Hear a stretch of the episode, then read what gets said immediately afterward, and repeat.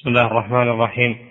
الحمد لله والصلاة والسلام على نبينا محمد وعلى آله وصحبه أجمعين.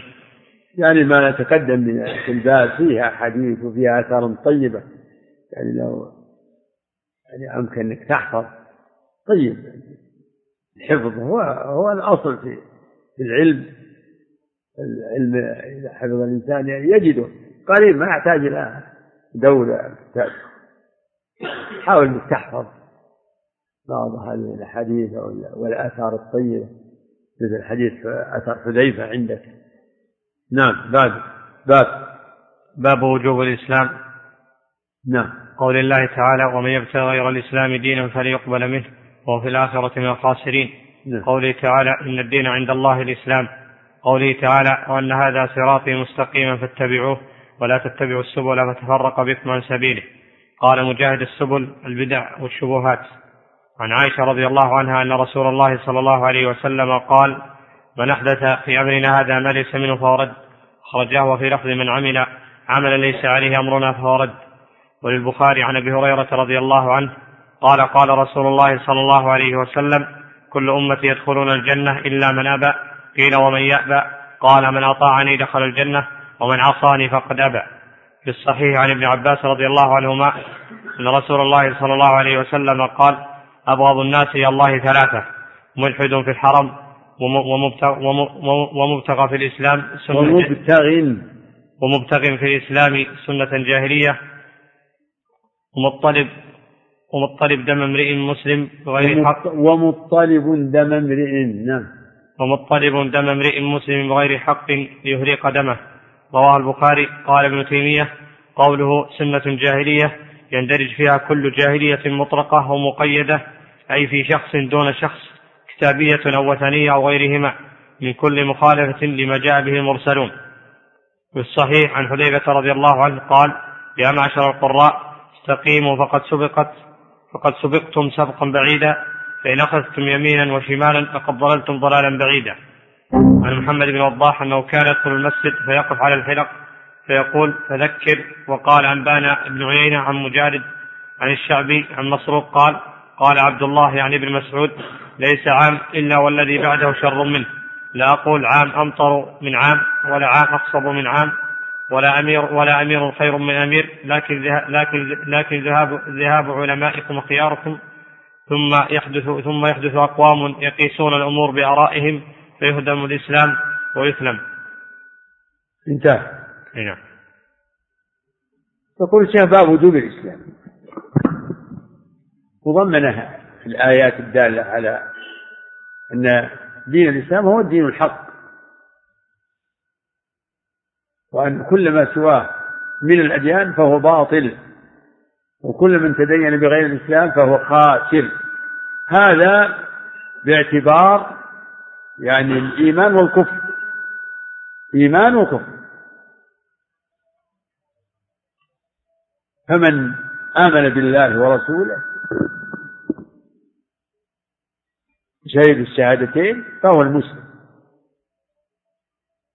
ومن ليس كذلك إما يعني خرج عن هذه الدائرة بالشرك أو بالتكذيب بالرسول فهو الكافر. وعمله حابط وهو خاسر في الدنيا والآخرة. إن الدين عند الله الإسلام. ومن يبتغي غير الإسلام دينا فليقبل منه. أن هذا صراط مستقيما وأيضا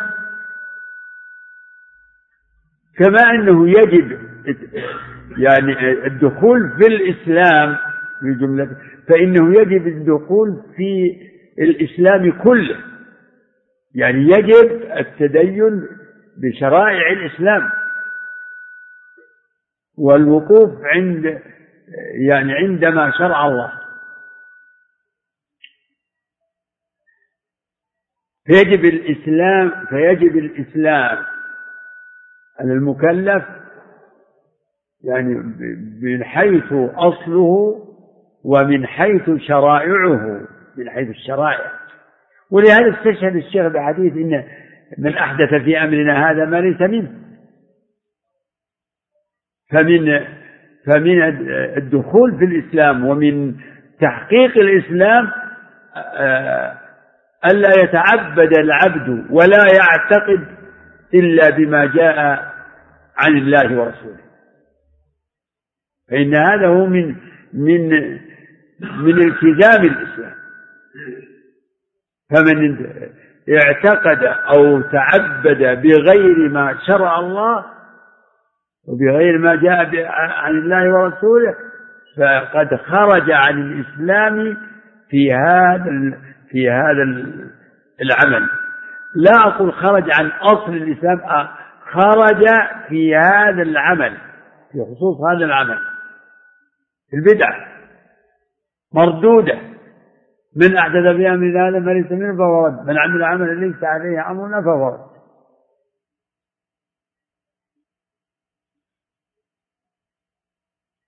وكذلك قوله صلى الله عليه وسلم كل أمتي يدخلون الجنة إلا من أبى. قال ومن يأبى يا رسول الله. قال من أطاعني دخل الجنة ومن عصاني فقد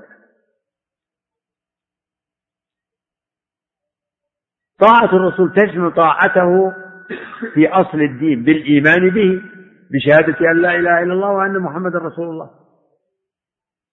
فمن استجاب لدعوته عليه الصلاة والسلام وشهد الشهادتين تأهل لدخول الجنة. ومن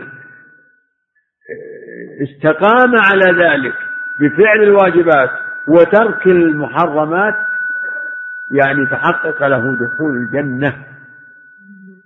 ومن عصى الرسول ولم يجب دعوته فهو الكافر الخاسر المخلد في النار إذا مات على ذلك. ومن عصى الرسول في بعض الأمور كان مستوجبا للوعيد وهو حينئذ تحت المسجد. فلهذا الشيخ أدخل هذه الأحاديث يعني التي فيها شمولية. من أطاعني دخل الجنة ومن عصاني فقد هذا مجمل. فمن عصى الرسول بعدم الاستجابة لدعوته ولم ولم يؤمن به فهو من أهل النار المخلدين فيها. ومن عصى الرسول في بعض الأمور مع إيمانه به ومع الشهادتين فإنه من أهل الوعيد كسائر أصحاب الذنوب ومن أهل الكبائر. والله أعلم.